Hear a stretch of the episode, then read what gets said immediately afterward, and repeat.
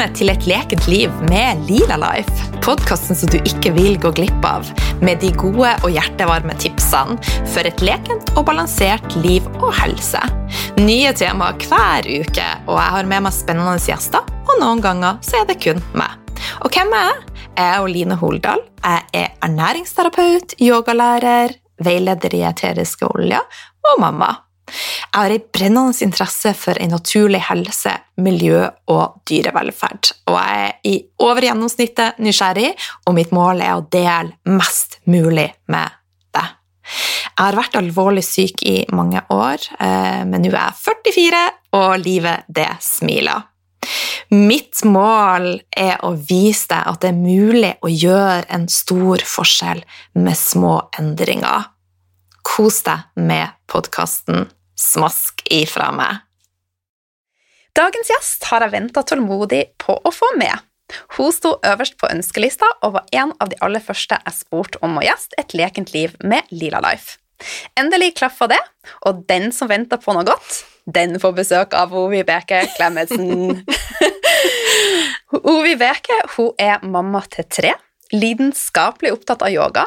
Hun er en av gründerne av Run and Relax, og hun har jobba mange år i TV- og mediebransjen, og har også skrevet og gitt ut flere kokebøker. Så hjertelig velkommen til deg, Vibeke. Superhyggelig å ha deg med.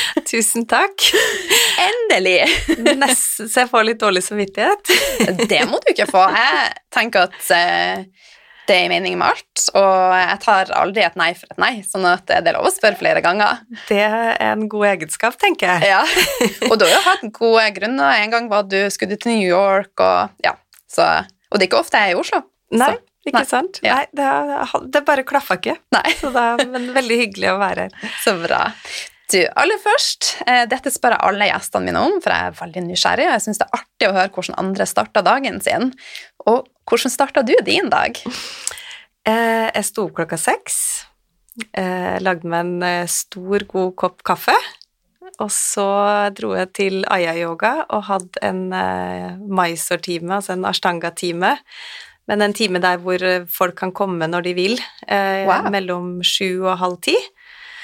Eh, Så da underviste jeg til halv ti, og så dro jeg til eh, et annet studio og gjorde min egen Ashtanga-praksis. Ja, Så eh, yoga. Yoga. ja. Men den timen der som er åpen, altså folk kan komme akkurat når de vil, vil ikke Mhm. du forstyrre da som instruktør?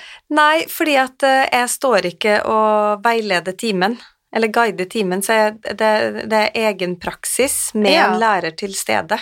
Ah, så, da, så det er jo sånn ashtanga-yoga tradisjonelt blir undervist, Ja. at du på en måte gjør din praksis, og, og, så da kanskje kommer to stykker klokka sju, og så kommer det en ti over sju og en halv åtte, og så gjør jo alle det samme, for ashtanga-yoga er jo en satt serie, men de begynner på forskjellig tidspunkt, og så er det helt stille i rommet, og alle er på en måte i sin pust og i sitt tempo, og så går jeg rundt og ja, justerer og hjelper til og korrigerer litt og ikke så mye nå når det er korona, men med munnbind og spriting mellom hver eh, Ja. touch på kroppen, så, Så funka det på en så måte. funker det, ja. Ja.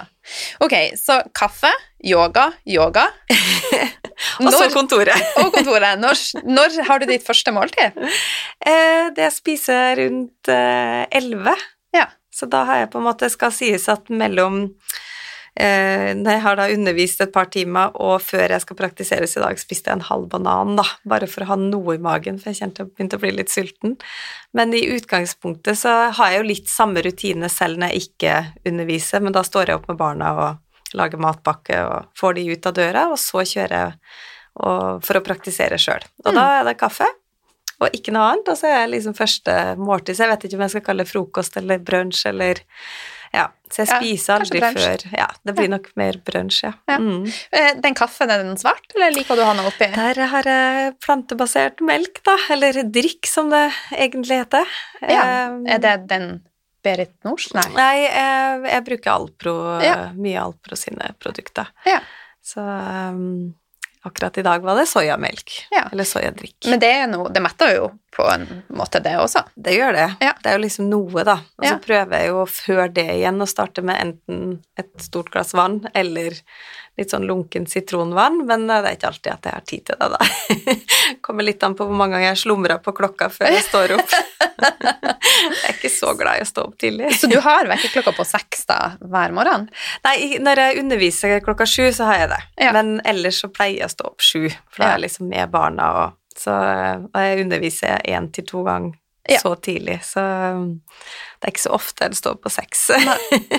Og en typisk frokost, brunsj, da, hva det er? Å nei, altså det, det er den der logistikken min, altså av og til så altså, Ideelt sett så hadde jeg jo da laga meg noe, en brunsj i går kveld, eller at jeg hadde rukket å lage det før jeg dro hjemmefra. Men det gjorde jeg ikke i dag, så det, da mens jeg dusjer etter praksis, så var jeg inne på Joe and the Juice-appen og bestilte meg en sandwich og en juice, og så kjørte jeg innom og henta det på vei til jobb, da. Ja. Så da løser jeg det med litt sånn take away, er det man kaller det. ja. Ja. Men noen ganger så er jo det perfekt. Ja, altså, da får jeg meg en god juice og en god sandwich, og da har jeg på en måte Ja. Fornøyd. Ja. Men du, jeg, jeg vet jo mye om deg, jeg har jo gjort en skikkelig research nå. Men eh, det kan jo uansett så kan det være at noen som ikke har hørt om deg, og så er det noen som har lyst til å bli bedre kjent med deg. Så fortell oss litt om, eh, om deg og de reiser. Åh, og det var da jeg hadde lyst til å si hvor lang tid har vi egentlig? Fortell det som føles naturlig for deg. Ja, um, nei, det- jeg syns det er så vanskelig, for jeg, jeg føler at jeg, jeg har hatt en lang reise. Altså, jeg blir 45 i morgen, så jeg har jo hatt I morgen? Et, I morgen, ja. å, Skummelt. Jeg har jo hatt et no, ganske langt liv, um, og så føler jeg at jeg har hatt Jeg har mange ulike deler av meg sjøl, fordi at eh, jeg har jo egentlig gått på hotellhøyskole og jobba på hotell og liksom hatt den delen. Det er jo veldig få som kjenner den sida av meg. Og så var det jo sånn som du introduserte, at jeg har jo jobba på TV i mange år. Så det er jo sikkert noen som har sett meg på værmeldinga på TV Norge for 12 år siden, 14 år siden, eller altså, jeg jobba i Norsk Tipping i mange år. Um, og, og på en måte det har vært en stor del av livet. Um, og så har jeg jo den yogareisa som egentlig er en egenreise i seg sjøl, og så har jeg jo liksom den private reisa. Jeg vet at mange kanskje koble meg til min eksmann eh, fra den gangen, og at det var mye frem og tilbake. Vi var jo av og på og gift, og så ble vi nå til slutt skilt etter ti måneder, ikke sant, så det er en egen reise. Så, så jeg vet ikke, det, er- det er så mange men alt det her har jo vært med og forma deg til Ja. den du er i dag. og det er jo det jeg tenker, er at det, eh, det er mange erfaringer jeg gjerne skulle ha vært foruten, men jeg ser jo det i dag at det har jo vært med å forme den jeg er, og ført meg dit jeg er i dag. Så jeg er jo egentlig takknemlig for det meste av det. Eh, litt sånn på godt og vondt, da. Mm. Men mm, Altså, jeg tror alle har vi våre ting, og jeg har vært gjennom masse som jeg også skulle vært foruten, men jeg er bare så obs på at jeg kan ikke gjøre noe med det. mm, Og det har vært med, som du sier, og forma meg. Det har gjort meg sterkere. Det har gjort det lettere å se hvilken retning jeg vil, og det som for meg er lyset. mm. Ja, nå høres jeg jo litt sånn gladkristen ut. Ja, men sånn, altså, ja. eh, la oss touche inn på yoga, så skal jeg, skal jeg fortelle deg om gladkristen. jeg liker kanskje ikke glad, jeg er sånn totalkristen, nei da. Men, eh, men, men jeg kan jo si at um, jeg tror jo Altså, den yogareisa, det er jo det som kanskje har vært med på å definere og forme den totale reisa veldig mye, da. Eh, fordi at jeg møtte yoga på et veldig tidlig tidspunkt i livet. Jeg har liksom hatt yogaen i livet i 23 år, eh, og, det er jo en ganske stor del av mitt voksne liv, eh, så jeg vet jo at det har vært en veldig viktig faktor av hvem jeg er i dag. Um, og det er jeg jo veldig takknemlig for. Ja. Um, så, men um, det er jo andre ting også som spiller inn her, da, som gjør til at man Ja. Mm. Men hvordan kom du over yoga? Hva som gjorde at du Nei, altså Det var en høstkveld eh, i Stavanger, tenkte jeg å si, at jeg og min venninne på Hotellhøgskolen eh, kasta oss på et eh, kurs i klassisk hatta-yoga. Eh, og så vet jeg, når jeg liksom begynner å demre for meg at eh, For jeg bodde i Brussel i to år før jeg flytta til Stavanger, og der eh, var jeg på et jeg tror jeg skulle prøve meg. Jeg har dansa mye da når jeg var yngre, og sånn, og jeg hadde så lyst til å begynne på et sånt dansestudio, men jeg følte det var altfor avansert. Men der husker jeg at de hadde ashtanga-yoga, men så skjønte ikke jeg hva det var, og syntes jeg var skummelt. Mm.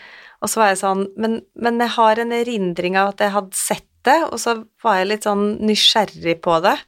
Så når jeg og da Tone var på det her kurset, så var jo det veldig alternativt. Altså, det var selv i dag okay. så er det Og jeg har, har, jo sett mye yoga og reist uh, mye i India og liksom virkelig vært i yogaens kjerne, men det her var det, var det, var veldig alternativt på alle mulige måter, og det var lyder, og det var neseskylling og um, Og som for så vidt ikke er alternativt i dag, da, men uh, Men det bare Det var en sånn spire som begynte å vokse, og jeg var så nysgjerrig på det. Ja.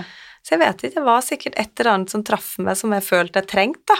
Ja. Eh, og så var jeg, reiste jeg veldig mye, spesielt i USA, de årene etterpå, med min eksmann. Uh, og der var jo yoga veldig langt foran, så da fikk jeg muligheten til å utforske. Så jeg drev og poppa inn på masse forskjellige yogastudio mens han var i møter og drev med sitt, og så ja, så da, og det også var veldig mye rart. Eh, så det var ikke der jeg på en måte eh, kanskje etablerte meg i, i yogaen. Men så drev jeg med kickboksing. Okay. um, og ganske sånn seriøst. Jeg gikk kamp og ble klubbmester og wow. liksom Ja, ja, så, sånn ordentlig. Um, og så hadde jeg så lyst til å bli mer uh, bevegelig. Altså når du skal sparke og så tenkte jeg at uh, men sånn yoga, da blir man jo myk.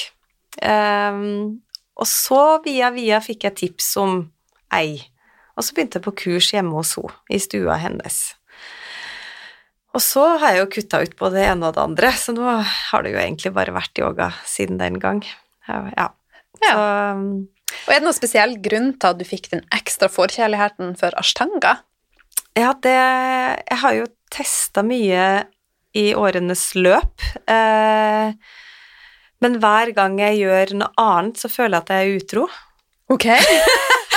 det er sånn, jeg har gått på Jivamukti-time, så er det sånn Nei, det her er litt for fritt. Det her, det, det liksom, Du vet du får en følelse av at nå gjør jeg noe som jeg egentlig ikke skal gjøre. Um, og jeg vet ikke, men for meg så er liksom Ashtangaen har så dype røtter, den har så lang tradisjon, og den er i en så fastsatt form som passer meg da, som person.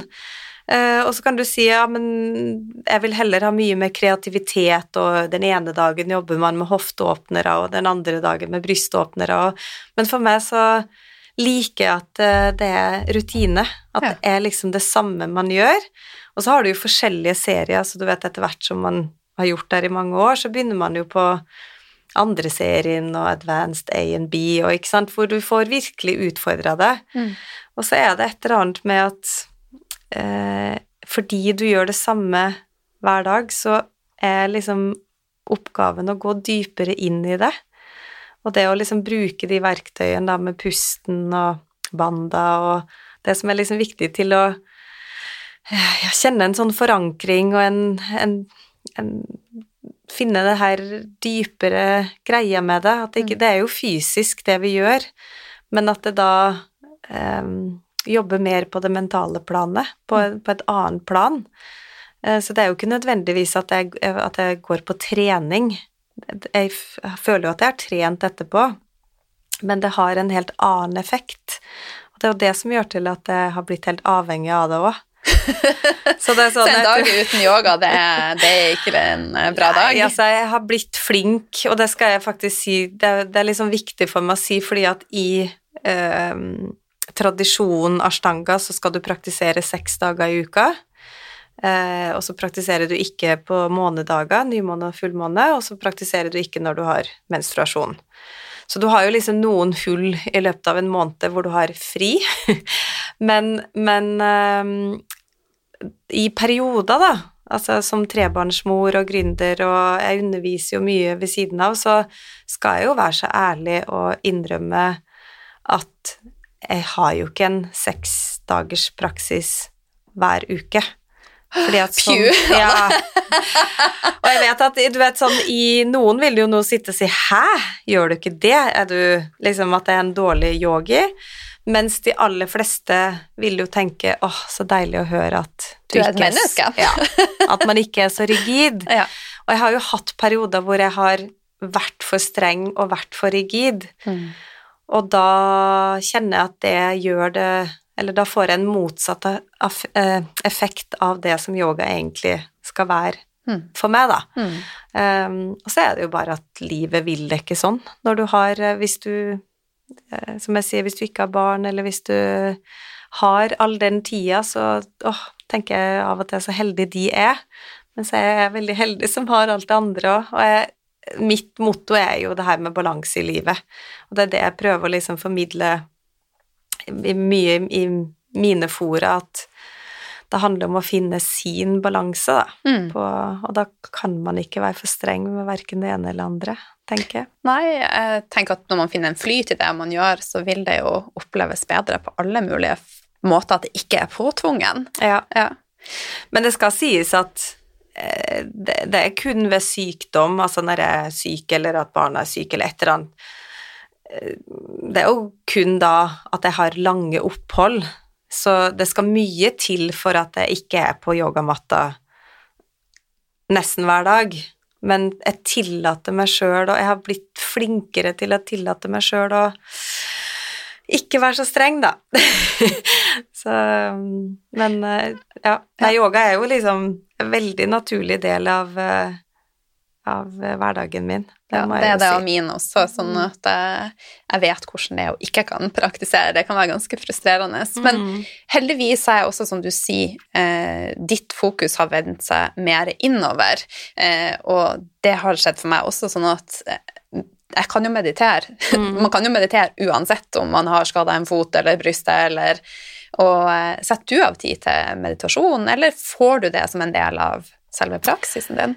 Altså, ashtanga-yoga for meg, da, og som det på en måte er ment å være, er jo en meditasjon in motion, altså at du gjennom den flyten, ikke sant, og, i ashtanga så har du veldig satt som jeg sier, satt system, men, men på vinyasa-telling, så du har eh, altså én bevegelse har en innpust, den andre har en utpust, og det går i et evig flyt, tenkte jeg å si, mens du holder på.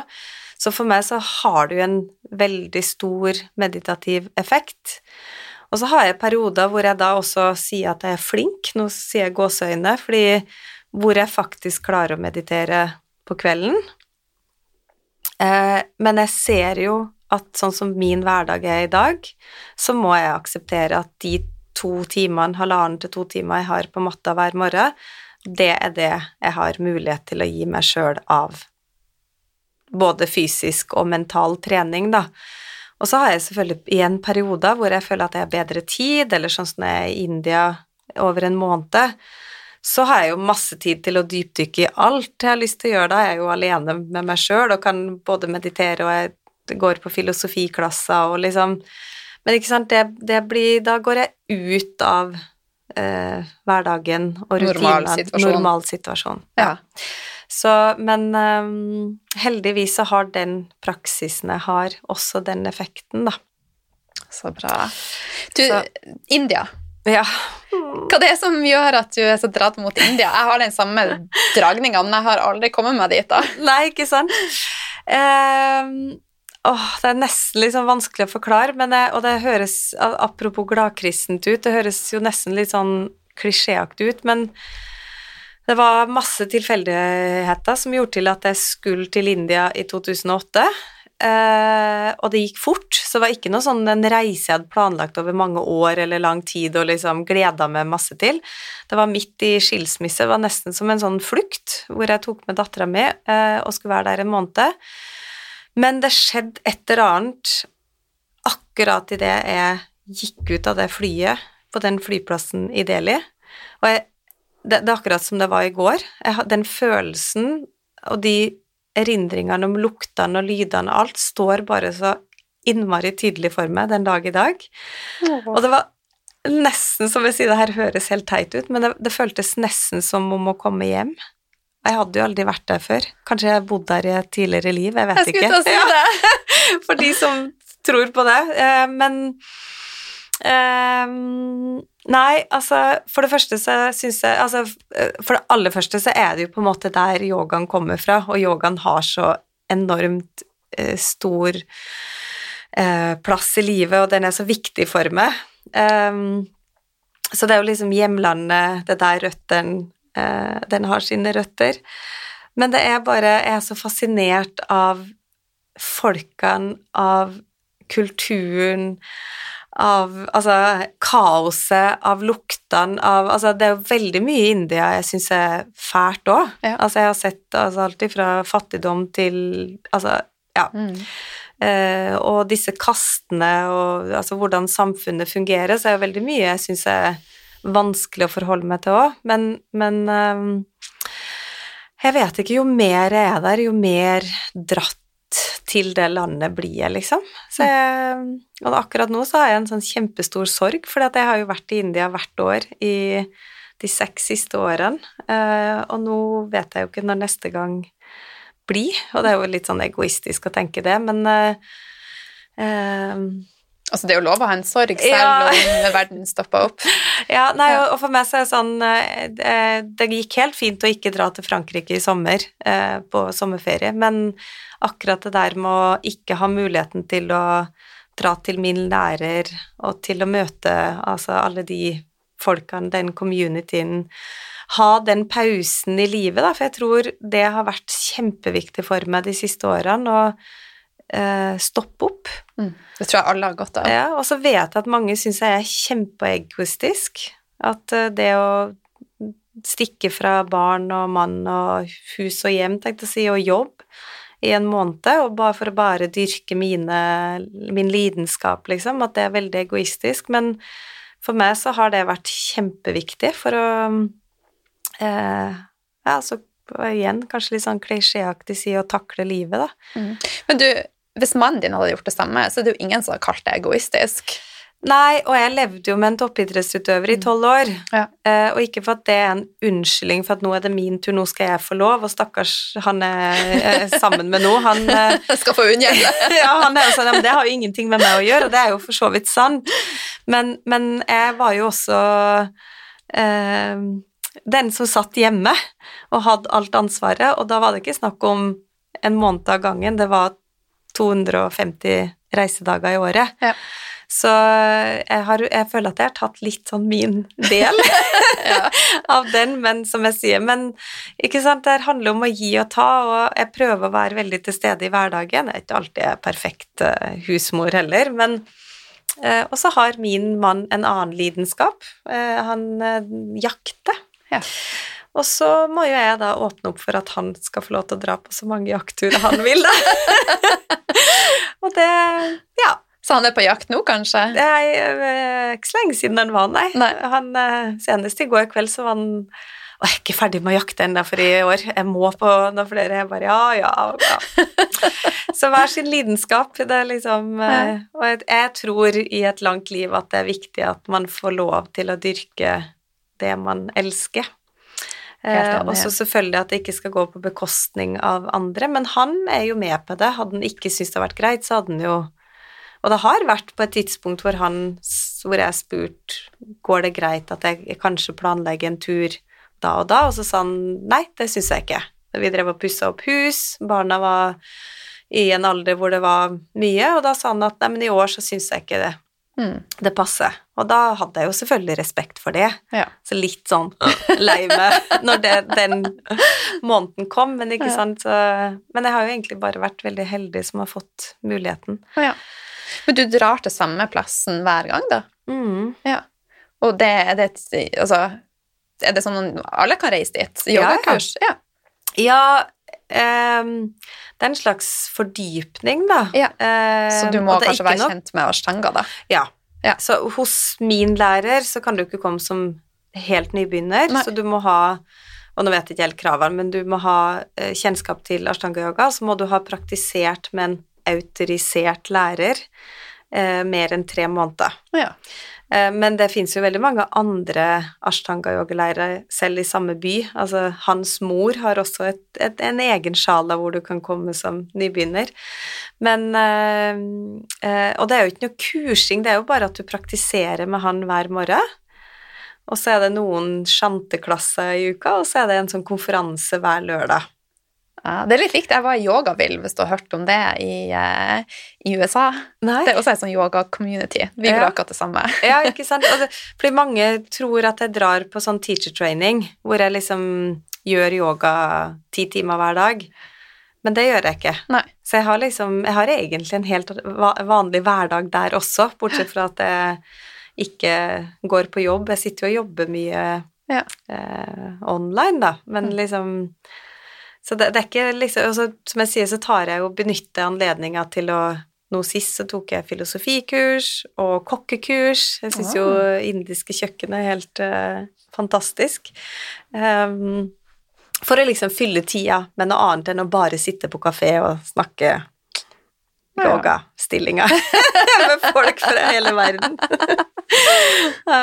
Ja. Men det høres fantastisk ut. Og sjanting, tenker jeg Når jeg var i USA, det var i 2008, Mm. eh, jeg syntes jo det var veldig rart, men det er jo veldig befriende. Det er utrolig deilig og sant. Ja, det, og jeg, altså, pleier å unnskylde, for jeg, vi gjør jo sånn åpningsmantra og avslutningsmantra på timene mine, og da pleier jeg bare å si at uh, jeg har ikke god sangstemme. altså, jeg er ikke kjent for å være flink til å synge, eller ha pen stemme, men, uh, men eh, det, det er jo det du sier, det å, å uh, sjante sammen med andre. Eh, og så er det jo en spesiell måte å gjøre det på òg, ikke sant, i forhold til at det er på sanskrit, og at man Ja. Mm. Så eh, jeg syns det er fint, men jeg er ikke så flink til å sette meg ned og chante alene Ikke jeg heller. hjemme, altså. Det skal jeg jo ærlig innrømme. Du, vi skal penste over til litt eh, mer selvfølelse, det å eldes, og jeg syns du har vært et, eller er et veldig fint forbilde. Og det her er da fra eh, Instagram-kontoen din, der du skrev Jeg er bra nok, uansett hva jeg er og hvem jeg er. Uansett hvordan jeg ser ut, jeg er bra nok. Jeg trenger ikke fikse på utseendet mitt. Jeg fyller ut leppene mine, fjerner rynkene mine, setter på vipper eller tatoverer på ekstra hår fordi jeg har feil hårfeste. Og jeg tenker at dette er så viktig budskap.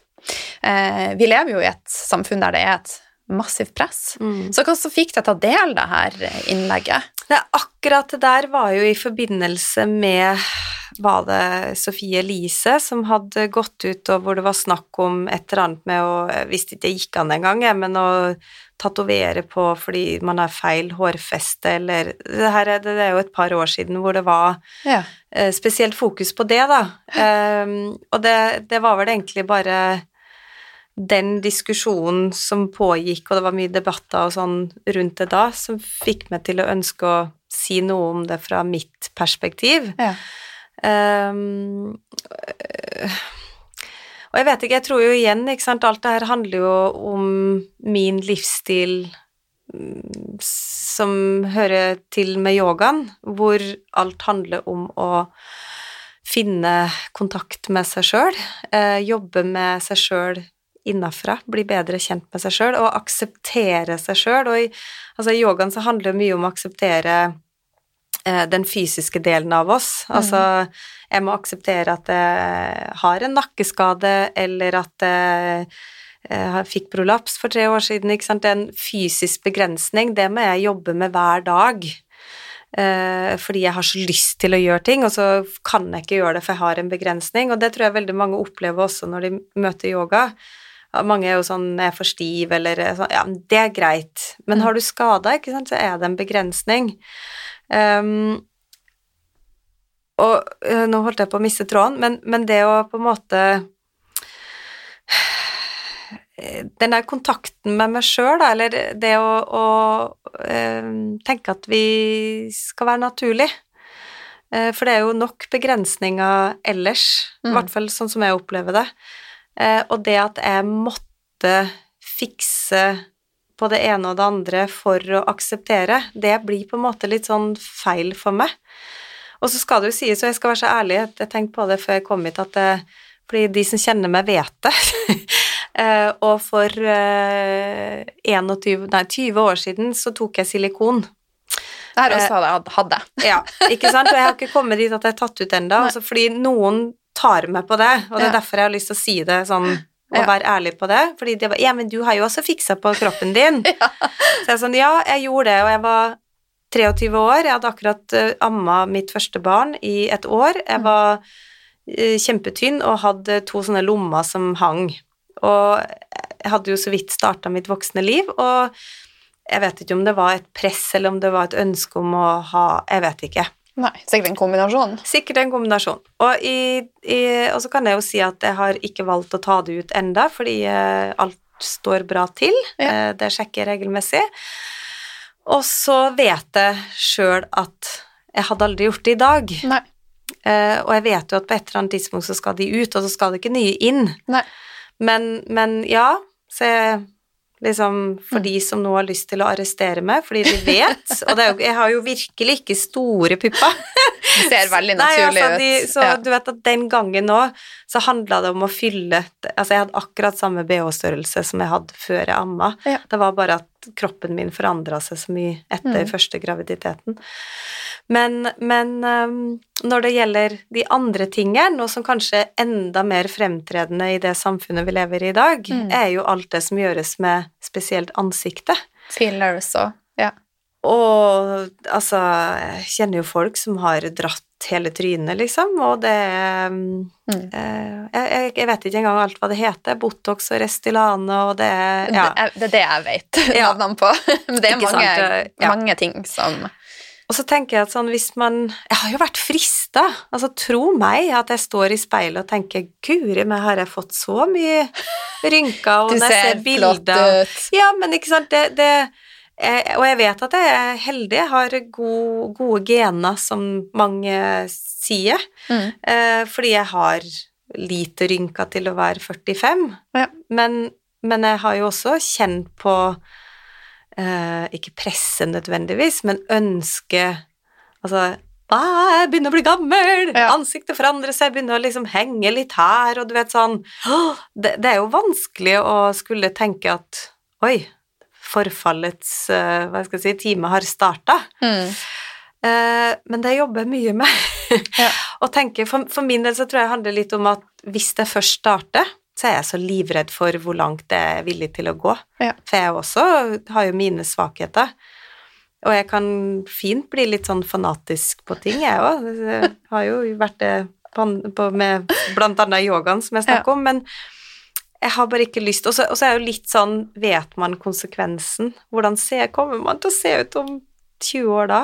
Hvis man har gjort mye av det? Jeg vet ikke. Jeg syns alle ser veldig like ut hvis man drar det for langt, rett og slett. Altså, Mm. Det blir et sånn du Jeg dømmer ingen, alle må få ta egne valg. Men at man visker litt ut av seg sjøl, rett og slett. Ja, og så har jeg kjenner noen voksne damer som aldri har gjort noen ting, som jeg syns er så sinnssykt vakker.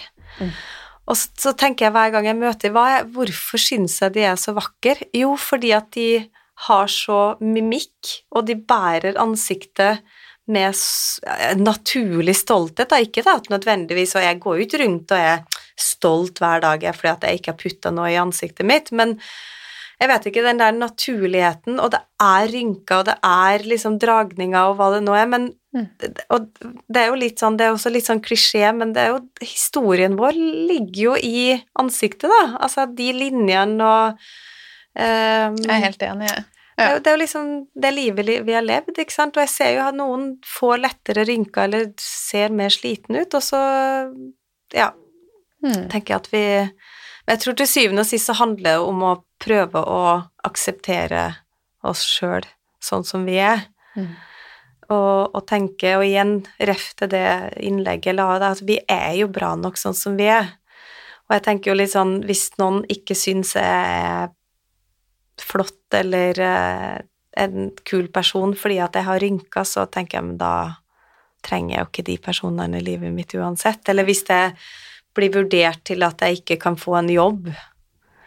Eh, at noen ikke vil jobbe med meg fordi at det er naturlig, og da begynner å bli litt rynkete, så tenker jeg at da, Da da kan det være det samme. Det er det dine det er noe galt med, spør du meg. Ja, Ja. eller da får de finne noen andre. Ja. Så det, det tenker jeg liksom Ja. Mm. Men jeg er også helt med på, som du sier, at alle må få lov til å gjøre det de vil. Og jeg prøver å ikke dømme noen. Jeg bare syns det er litt merkverdig at man føler det behovet. Jeg, jeg blir veldig nysgjerrig på hvorfor man føler det presset, da. Mm. Jeg så en dokumentar som heter The Minimalism, og vi er jo programmert til at vi skal ha det, og vi skal se ut sånn, sånn at jeg tror det er hos mange dypt forankra. Altså, vi er bare altså, litt sånn redd også for å stikke oss ut, tror jeg. For nå er det jo nesten mer vanlig å gjøre det. Ja, jeg, jeg, vet, jeg vet det, og det eh, Det er jo det som kanskje skremmer meg litt òg, Mm. at eh, at eh, jeg kjenner liksom færre som ikke har gjort noen ting, enn de som gjør det. Ja. Eh, og så er det jo litt det at jeg har, jeg har jo en datter som er 21, eh, og på et tidspunkt så kom jo hun og begynte å snakke om at hun hadde lyst til å putte ta fillers i leppa, eller hva det, hva det er for noe, og liksom kom med et bilde og viste meg liksom med ordentlig sånne store Da var hun yngre, altså, men det var bare sånn Og da fikk jeg helt vondt at, at de i så ung alder begynner å føle på at de må Ja. gjøre noen ting, og det er jo det du sier da, fordi at det, det er jo det de ser. Mm. Altså, det, det er så mange som gjør det, og i alle aldre, Mm. at det blir normalen. Og det syns jeg er kjempetrist. I eh, omgangskretsen til min eh, datter, så er jeg ganske nære. Hun fikk fillers i julegave hos mora.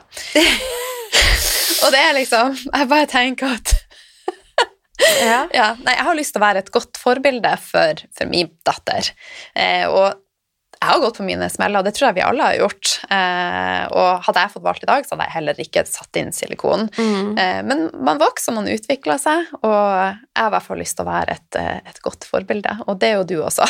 ja, og så kan det være, kan det være noen som hører på noe, og som tenker litt sånn Um, At man kan være et godt forbilde på mange måter, og det er jeg jo for så vidt enig i, og det er derfor jeg sier at hvis eh, Og jeg, jeg kjenner jo noen som har, har eh, altså fiksa på panna, for eksempel, men som da har masse rynker, du ser nesten ut som du er 70 år når du er 40, så skjønner jeg kanskje Mm. ønske om Men da tror ikke jeg det handler nødvendigvis om at det er et press utenifra, det handler Nei. mer om eh, at du ikke føler deg vel, da. Ja. Uh, men uh, nei da, jeg bare jeg, Og jeg er jo sånn typisk, jeg er jo veldig redd for å tråkke noen på tærne. Jeg er veldig redd for at noen skal liksom bli sur mot meg og sånn, eller sur på meg. Eh, så jeg prøver å være litt sånn forsiktig med å være for bastant og angripe folk, og sånn. når jeg legger ut sånne ting, så hvis man føler seg truffet, så beklager jeg jo på en måte det, men samtidig så er det viktig for meg å faktisk være tydelig på at jeg er naturlig, da. Mm. Og jeg vet det er mange som spør, fordi at eh, det får jeg høre av mine venninner igjen, at de har venninner som er sånn Du, hun der Vibeke, hun la ut det sånn. Eh, Det kan jo ikke stemme. Hun må jo ha fiksa noen ting. Og så blir jeg sånn Og så tror jeg de sier, for de vet jo Ja. at eh, nei, men hun har ikke Nei, det tror jeg ikke noe på. og da blir jo jeg sånn Nei, jeg vet ikke hva jeg skal si for å overbevise folk, liksom, men, men, Men det trenger man jo ikke å gjøre heller. Nei da, Nei. nei. men ikke sant, det er litt sånn typisk meg, da. Eh, Det er kanskje en av mine hva jeg skal si, svakheter. Jeg er veldig opptatt av hva alle mener og sier, og ja, det, det, der har jeg en liten vei å gå fremdeles, da. Men, eh, men eh, da, det er da jeg sier at eh, da kan du begynne på yoga, og så Eller du trenger ikke begynne på yoga heller, men da kan du lære deg opp-ned-stillinga. Fordi at uh, inversions, da, er jo noe av det mest forringende vi kan gjøre. Og jeg tuller jo ofte med det, liksom, ja, men du har jo så lite rynker, ja, men det er fordi at jeg står på hodet tre til fem minutter hver dag. Nå fikk jeg lyst til å stå mer på Ja, hodet. det, det, det er det, altså, det tror jeg jeg, jeg jeg kan ikke på stående fot si at det finnes dokumentasjon på det, men det, det sier seg jo sjøl, og det har jo sånn som det å ta akupunktur eh, i ansiktet, er jo også mm, en måte å, å fjerne rynker og linjer og alt Ja. det der. Men det handler jo det, er- jo egentlig bare at du får sirkulasjon. Ja. Du får mer sirkulasjon i eh, Og det er også eh, Jeg masserer ansiktet både morgen og kveld. Ja, Ja. Og gjør litt sånn «Åh!»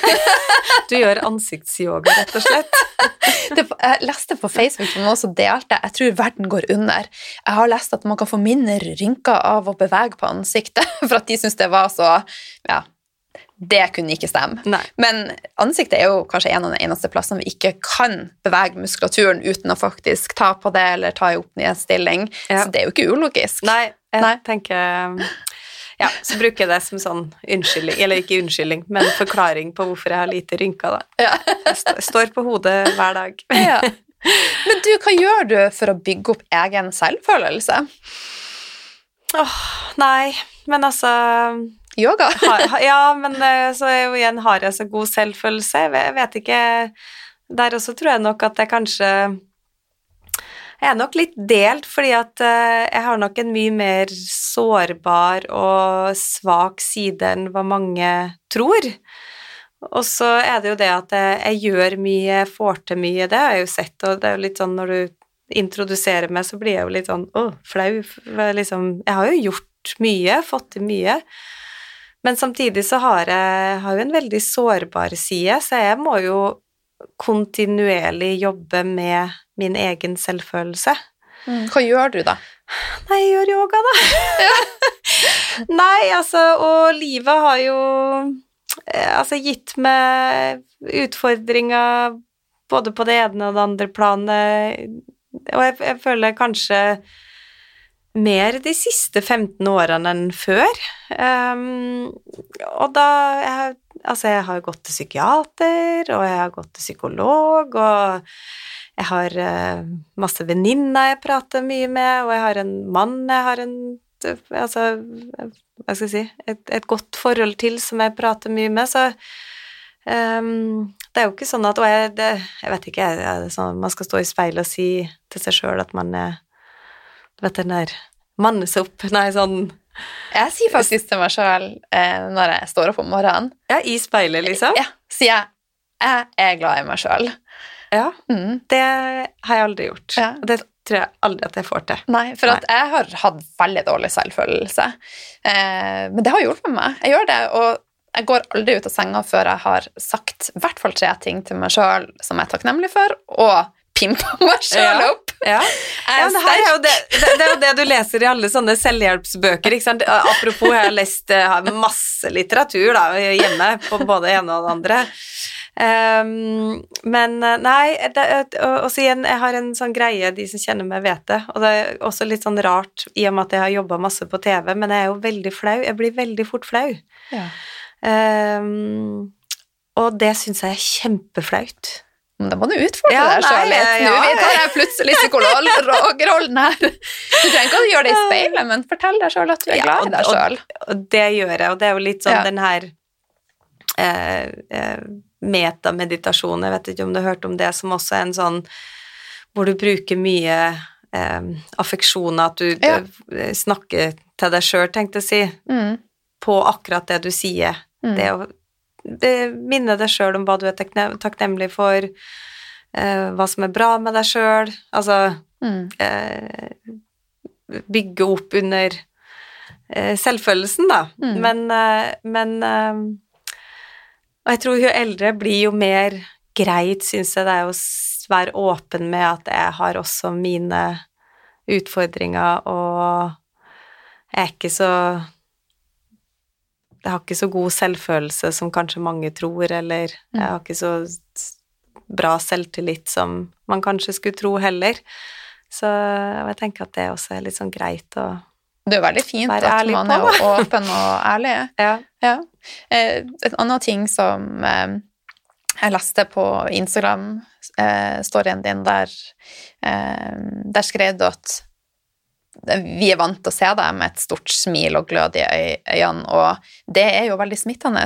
Eh, Men du sier at det ofte kan det ligge noen tårer bak et Mm. stort smil, og, og at du òg har opplevd mørket. Mm. Og det er da Hva, hva gjør du da? Så, Nei, men jeg har jo Hva skal jeg si Altså, mørket da mm, det, det, det finnes jo forskjellige nyanser i det her, ikke sant? Og jeg har jo vært i ulike faser eh, av det mørket, hvis man kan snakke om det, da.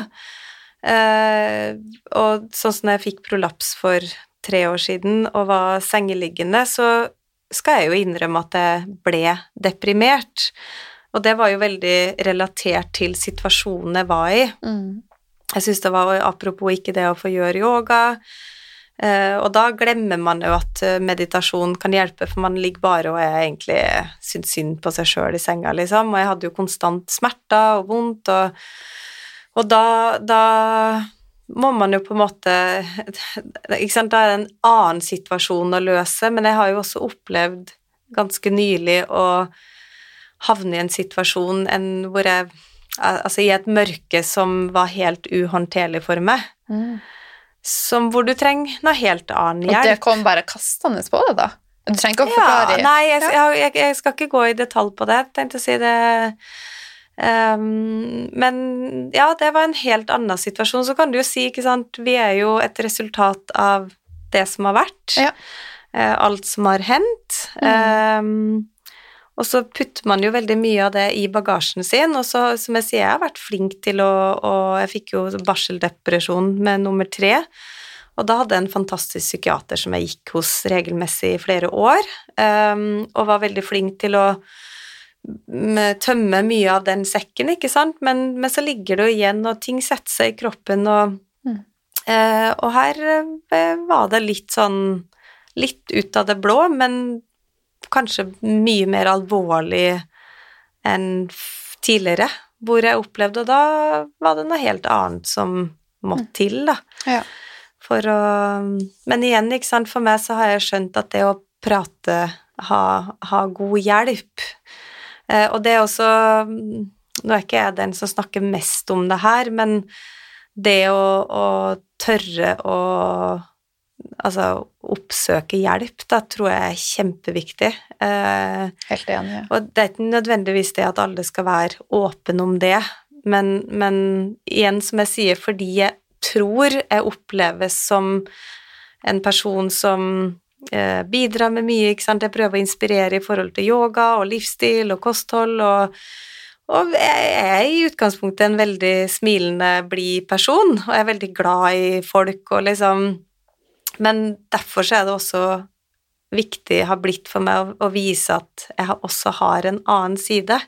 Og vær ærlig på at ja, jeg får hjelp, jeg går til psykolog eh, i de periodene hvor det trengs, eller jeg har gått hos psykiater fordi det var nødvendig på det tidspunktet. Eh, og at det, at liksom, det er ikke noe tabu Jeg kan jo fremdeles huske ikke mange år siden jeg det var før jeg havna i min første liksom, ordentlige krise, hvor jeg da gikk og fikk profesjonell hjelp, hvor jeg tenkte litt sånn Ja, men det er jo litt flaut å liksom si at du går til psykolog, liksom. Mm.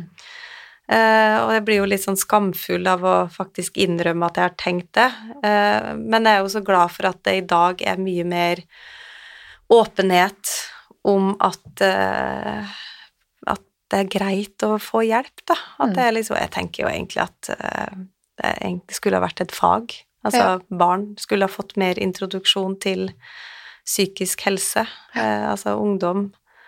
Og jeg tror uansett at alle har godt av å prate med noen, så jeg, jeg går og prater med noen regelmessig, Mm. uansett om jeg har det bra eller ikke. Bare Mm. det å få lov å spare med noen, og og i hvert fall når man har det tungt, så Ja. er det jo så fantastisk å ha noen som kan hjelpe. Ja, Ja. ja jeg, jeg tenker også det. Og så er det jo ikke sant, Det er mange som kritiserer det at man er så åpen om det, og at man liksom bruker Eller at, at det er lett å kanskje misbruke det. da, at man, Og det har jo jeg også tenkt på de gangene jeg faktisk er så ærlig på min Instagram, at liksom Oi, nå tror kanskje folk at jeg er ute etter medlidenhet, eller at man skal liksom få den der Å, klapp, klapp, og du er så bra fordi at du tør å være ærlig. Så det er jo en sånn Balansegang. ja, det jeg, jeg syns jo det er innimellom vanskelig å vurdere òg, for jeg har ikke lyst til at folk skal synes synd på meg heller. Det er jo ikke noe synd på meg, men jeg er, jeg er jo bare et menneske som alle andre, Mm. som uh, har utfordringer som jeg ikke takler sjøl, da. Så Og jeg er veldig glad for at du deler med oss. Så det setter jeg veldig stor pris på, og det tror jeg veldig mange der ute gjør også. Jeg det- håper det. Ja, men det vet jeg. Altså, det, når man sitter med sånne problemer, så tenker man ofte at man er alene i verden. Så Mm. det at noen tør å åpne den døra til at man ikke er det, det er Mm. fantastisk. Ja, Ja. det er bra. Du, eh, du er jo ei travel dame, Mm. eh, og du har jobba med masse forskjellige ting, som jeg sa innledningsvis. Eh, de siste årene har du vært gründer og hatt ditt eget selskap i samarbeid med noen andre, Rønen Mm. Relax. Mm. Eh, fortell oss litt om livet som gründer, og hva som motiverer deg. Ja. Um, nei, akkurat den reisa, som for så vidt også er en egen reise i seg sjøl, var Det var jo egentlig litt tilfeldig, fordi det var to andre damer som hadde etablert Run Relax i 2011. Um, og så møtte hun ene ved en tilfeldighet um, i 2012, uh, hvor det da åpna seg en mulighet for å eh, kjøpe seg inn og bli en del av det før vi lanserte. Um, og så var jo det på et tidspunkt hvor yogatøy ikke var så vanlig, altså man brukte bare vanlig treningstøy, og, og man hadde liksom noen utenlandske merker som man hadde hørt om, og som man kanskje eh, fikk tak i når man var på reise, men, men altså spesifikt yogatøy var ikke så vanlig, da. Eh, og så var det jo også på et tidspunkt hvor yoga var i total blomstring. Så det var jo et sånn, sånn sett et riktig tidspunkt, og de trengte en uh, profil. Uh, og jeg hadde vel en sånn bitte liten drøm av, av en spire et eller annet sted om å liksom tenke om at det hvis at jeg noen gang kanskje liksom fikk kun få lov til å lage noe eget. Og så har jeg jo jobba mye med klær og, og vurderte jo på et tidspunkt å jeg hadde til og med søkt å komme inn på S-mod, på eh, mote og design, så det, had, det, det jo, har jo liksom vært eh, hos meg. Eh, og så når jeg fikk muligheten det, til det, så kasta jeg meg på det. Så i utgangspunktet så har, har jeg jo på en måte såkalt blitt gründer sammen med først de to, og så forlot hun ene oss, og så har det vært jeg og ei anna som har på en måte bygd opp det her sammen. Men jeg vil jo si at de to var jo de som var de virkelige gründerne, for at de eh, sa opp sine faste jobber, eh, satsa sine sparepenger og etablert Run Relax. Så de skal på en måte få æren for det, og så fikk jo jeg lov til å komme inn og være med på reisa. Um, men jeg har jo likevel levd gründerlivet, kan du si, fordi at um, de første årene så jobber man jo uten lønn, altså og, og på det tidspunktet så jobba jeg jo mye, altså jeg satt på kundeservice på kveldene, og vi pakka pakker, og det var liksom Vi hadde ikke et eksternt lager. Alt var veldig manuelt, da.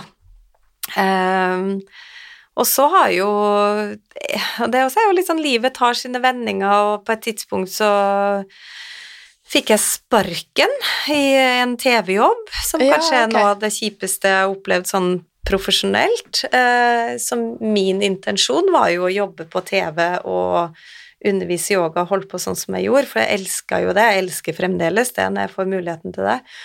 Men eh, eh, da ble jo på en måte fokuset run relax, fordi at min tid ble jo frigjort. Mm. eh, og så har det jo vært fantastisk gøy å bygge opp noen ting. Og kanskje spesielt fordi at det er så nært knytta til det som er min underliggende lidenskap. Så er jo ikke sikkert at jeg hadde vært, eh, vært med på hele reisa, hadde vært eh, kjoler det hadde vært snakk om. Nei. For det er ikke så viktig. Altså, jeg elsker å ha, ta på meg en fin kjole når jeg skal, det, skal noen ting, men ikke sant, yoga Jeg, jeg går i yogatøy daglig. Eh, og det å da få lov til å være med å utvikle tøy som er perfekt for det jeg gjør hver eneste dag, En drøm. det er jo en drøm i seg sjøl. Ja. Men jeg skal jo være så ærlig og innrømme og si at det å være gründer og det å drive en bedrift er jo kjempetøft. Eh, på mange måter. Mm. Eh, altså alt ifra at vi er i et marked med masse konkurranse, altså store, kjempeveletablerte merkevarer blir plutselig vår konkurrent. Eh, bare det å være en bitte liten organisasjon med små midler til eh, markedsføring og til, til, å kunne gjøre ting, ikke sant, og så skal du liksom konkurrere mot store krefter som har eh, mm. ja, millioner i budsjett til å lage en kampanje, for eksempel, ikke sant, så det er sånn eh, det er utfordrende og tøft, og så er det jo lærerikt fordi at man må være kreativ på en helt annen måte. Og så er jeg jo kjempestolt over at vi faktisk etter åtte år står så godt planta på bena. Vi har blitt en etablert merkevare. Veldig mange vet hvem vi er. Vi selger godt fremdeles, og liksom Og det For det har vært mye oppturer og nedturer. Mm. Men det er jo fantastiske klær, da. Jeg har brukt det i alle år. Jeg elsker det. det er veldig hyggelig at du ja. sier. Og det er jo litt sånn, ikke sant, jeg kan gå på jeg kan gå på gata var det i Kristiansand jeg, jeg var i sommer, og så kommer det ei jente gående i Run Relax Tights, og så blir jeg sånn Altså, det, det kribler litt i magen. Jeg får sånn Oi! Hun har på seg faktisk noe jeg har lagd. Og den følelsen, ikke sant Jeg har jo masse elever, selvfølgelig, som går i tøyet, og jeg tar jo det som et kompliment at de fortsetter å bruke det, men det, det er liksom Ja, jeg blir like stolt hver gang, da, fordi det er jo noe man har vært med å kreere. Men ikke sant, vi har jo vi er, Jeg har aldri stått alene og gjort det her. Nei. Og det er litt sånn viktig for meg å si at uh, det er ikke jeg som skal ta æren for Run Relax alene. Så, og sånn som i dag òg, så er det sånn Jeg har jo et fantastisk team. Eh, og jeg er jo ikke daglig leder der, det hadde jeg jo aldri kunnet vært. fordi sånn, sånn, som mitt liv er, så, som bare sånn som min dag i dag Jeg har vært på kontoret i to timer i et møte. Så jeg sitter jo ikke på kontoret, jeg har jo da muligheten til å undervise og til å sitte her med det. Eh, ja, så det er jo en litt sånn prioritering av tid, og så må jeg alltid liksom se, vurdere er det viktig kontra det Ja. ja. Da var det bra at du prioriterte å komme hit i dag. Men du, eh, siste sekvens nå. Jeg digger at du er så matinteressert, for jeg er en matnerd. Og du har jo gitt ut flere kokebøker, og en av de tingene som jeg fant ut når jeg forberedte meg at du hadde vunnet Masterchef, det har jo gått meg, gått meg hus forbi, og jeg elsker jo Masterchef. Jeg har sett alle sesonger fra Australia. Jeg elsker det.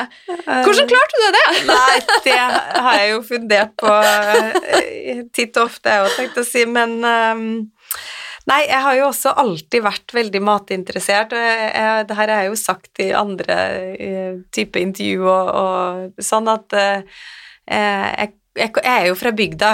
Jeg har en far som alltid har vært opptatt av å lage mat fra bunn. Altså, vi hadde grønnkål og poteter og brokkoli og alt det nå skulle være i hagen, ikke sant, så det er sånn eh, Og selv om jeg ikke var så opptatt av det da jeg var liten at å, den grønnkålen var jeg ute og plukka, så er det jo noe som har satt seg i meg, og viktigheten av å bruke bra råvarer, og spesielt det der med å lage mat fra bunn, da, altså naturlig mat og mm. eh, og så vet jeg jo at jeg har eh, hadde, hadde nok en interesse for det. Jeg satt mye på kjøkkenbenken og så på pappa og Så jeg tror liksom jeg, jeg gir han litt ære for at det starta der. Og så skal jeg jo også gi litt æren til min eksmann, for han var toppidrettsutøver. Eh, og veldig opptatt av kosthold, som man naturlig nok må være når man skal prestere i, mm. i idrett. Um, og da jo, ble jo jeg også veldig opptatt av å lage ordentlig mat. Um, så jeg hadde jo, ikke sant, de årene da hadde jeg mye mer fritid. Jeg var ikke gründer, jeg var ikke travel trebarnsmor. Eh, så jeg brukte jo veldig mye tid på å lage mat og utforske mat. Um, og så hadde du ringt og spurt enten min samboer eller et av mine barn om liksom, hvor mye mat lager mamma i dag, ja. så hadde, hadde, du jo fått sannheten, fordi ja, jeg lager middag, men du vet, i, i dag så er det smakk-smakk, det og det skal være ordentlig mat, men ja. du vet at jeg har jo aldri tid til å stå på kjøkkenet og være kreativ. Nei. Eller liksom Og jeg har jo en sånn tanke om at i sommerferien, da når jeg endelig hadde litt mer overskudd og tid, så begynte jeg å fermentere litt grønnsaker og baka brød og liksom Men ikke sant, jeg skulle ønske at jeg hadde mer tid til det, men akkurat nå så har jeg det ikke, og det er litt sånn Det må jeg bare jobbe med, at jeg ikke eh, blir irritert for at jeg ikke har den tida, og det igjen er det en prioritering, ikke sant, men mm. Det er mye annet du får gjort som ja, er altså, eh, Men akkurat det der med Masterchef, nei, det, altså, jeg takka jo egentlig nei til å være med okay. når jeg først ble spurt, fordi jeg tenkte at jeg er jo ikke flink nok til det. Og så var det jo riktignok den kjendisversjonen, da, Ja. så la oss nå ha det på det rette. Um, og så ble jeg liksom overtalt, da, så tenkte jeg ja, ja, jeg får Og jeg er jo litt sånn konkurransemenneske, um, har jeg skjønt. Um, så tenkte jeg ja, jeg får legge ambisjonene litt lavt, da, sånn at jeg ikke blir skuffa og liksom ehm, Men eh, så skjønte jeg jo ganske fort at eh, det her var jeg jo ganske god på. Og noe av det jeg skjønte jeg var bedre på enn andre, var jo at jeg var flink til å lese oppskrifter. Ah. Eh, og så er jeg veldig flink til å ehm, ta inn informasjon. Så når vi hadde brief, de, gangene når vi ikke hadde oppskrift å forholde seg ikke sant, Når det var bakeoppgaver, så får du alltid oppskrift. Det er jo viktig at det er riktig mel og alt det der. Men ikke sant, på de kreative oppgavene så fikk man jo alltid en brief. Um, og da, mens de andre sto og tulla og fjasa, Så var du fokusert. så var jeg fokusert. Ah. Og så hadde jeg noe, og her mener jeg da, og det var mange som kommenterte når de så det på TV, og det her var i 2013, så det begynner jo å bli noen år siden, men at jeg har en evne til å konsentrere meg og fokusere meg når jeg gjør noen ting. Og der tror jeg yogaen kommer inn, for det er jo det jeg trener på hver dag. Mm. Så, eh, og så er jeg litt sånn, elsker jo system. Så vet du, det å få lov til å rigge kjøkkenet og liksom Så jeg fikk jo veldig mye skryt for at jeg var så jeg hadde, At jeg var eh, Ja, hadde så orden. At jeg liksom hadde ting så på plass, da. Eh, Så jeg vet ikke. Og så eh, er det jo TV, da, så jeg vet ikke. Kanskje Kanskje man, som syntes jeg var søt, da, så syns jeg det var hyggelig å ha med. Jeg det var avstemming også. Nei da, det var ikke det. Var ikke det. Det var jo Men eh, jeg var jo under lupen til Eivind Hellstrøm eh, Ja. i en måned, tenkte jeg å si, nesten hver dag en måned, så jeg, vi fikk jo virkelig kjørt oss. ja, det skjønner jeg. Eh, Han sparer ikke på kruttet. Nei, det og han eh, Greg, han franske dommeren, han var jo også mm, veldig streng. Ja. Men eh, Og det skal også sies at jeg er et konkurransemenneske, men jeg hater å konkurrere. Og jeg liksom Så jeg var jo så nervøs. Så jeg, jeg gikk jo ned Jeg tror jeg gikk ned fem kilo på en måned, for jeg var altså så nervøs. Jeg for Wow. bare og sprang og gikk på do. Så det der var et stress stressende så det var, det var, Ja, ja. Jeg hadde nok aldri gjort det igjen, for Nei. å si det sånn. Så det var noe enda godt jeg vant, så jeg slapp å Og jeg har jo, jo, jeg har vært med på Fire stjerners middag etterpå. Jeg måtte jo selvfølgelig vinne det òg, det var, la jeg jo kruttet i å få til. Men jeg har jo takka nei til alt, alle andre matprogram hvor det er konkurranse, for jeg har bare tenkt at hvis jeg ikke lever opp til det, så kan jeg ikke være med. Så sånn Camp Culinaris og alt det der, det er liksom Og nå det er hele Norge baker, og jeg bare Nei takk, jeg har gjort mat på TV, nå kan jeg jeg har jo gjort mye Matkanalen, men da får jeg lov til å ha en annen rolle. Ja.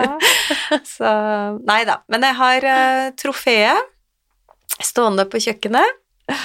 Uh, og titte av og til litt stolt på det. Tenker at Det må du gjøre, altså. jeg kan lage mat, i hvert fall. Selv om jeg ikke briljerer i hverdagen alltid. Men på en dag der du har tid, og du skal klaske til med noe skikkelig godt Mm. hjemme, hva lager du da?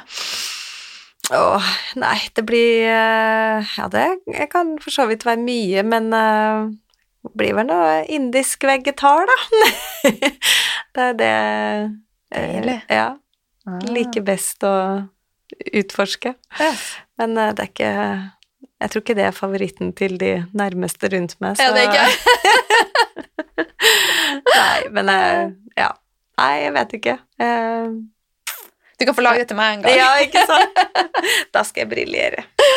Men du, vi skal avrunde. Er det noe du vil tilføye helt på tampen? Nei, tusen takk for at jeg fikk komme, og ja, dele litt av min reise og mine, mine lidenskaper. Og, ja. og også det å få lov til å, som vi sa, være ærlig på at vi er eh, Vi har mange fasetter, og Mm. vi er et sammensatte menneske alle sammen, og det Mm. er liksom fint å få si, da. Ja.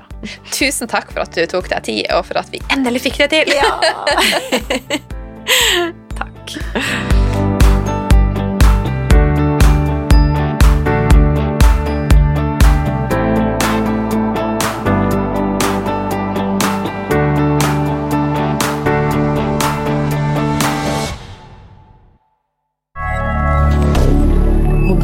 rien.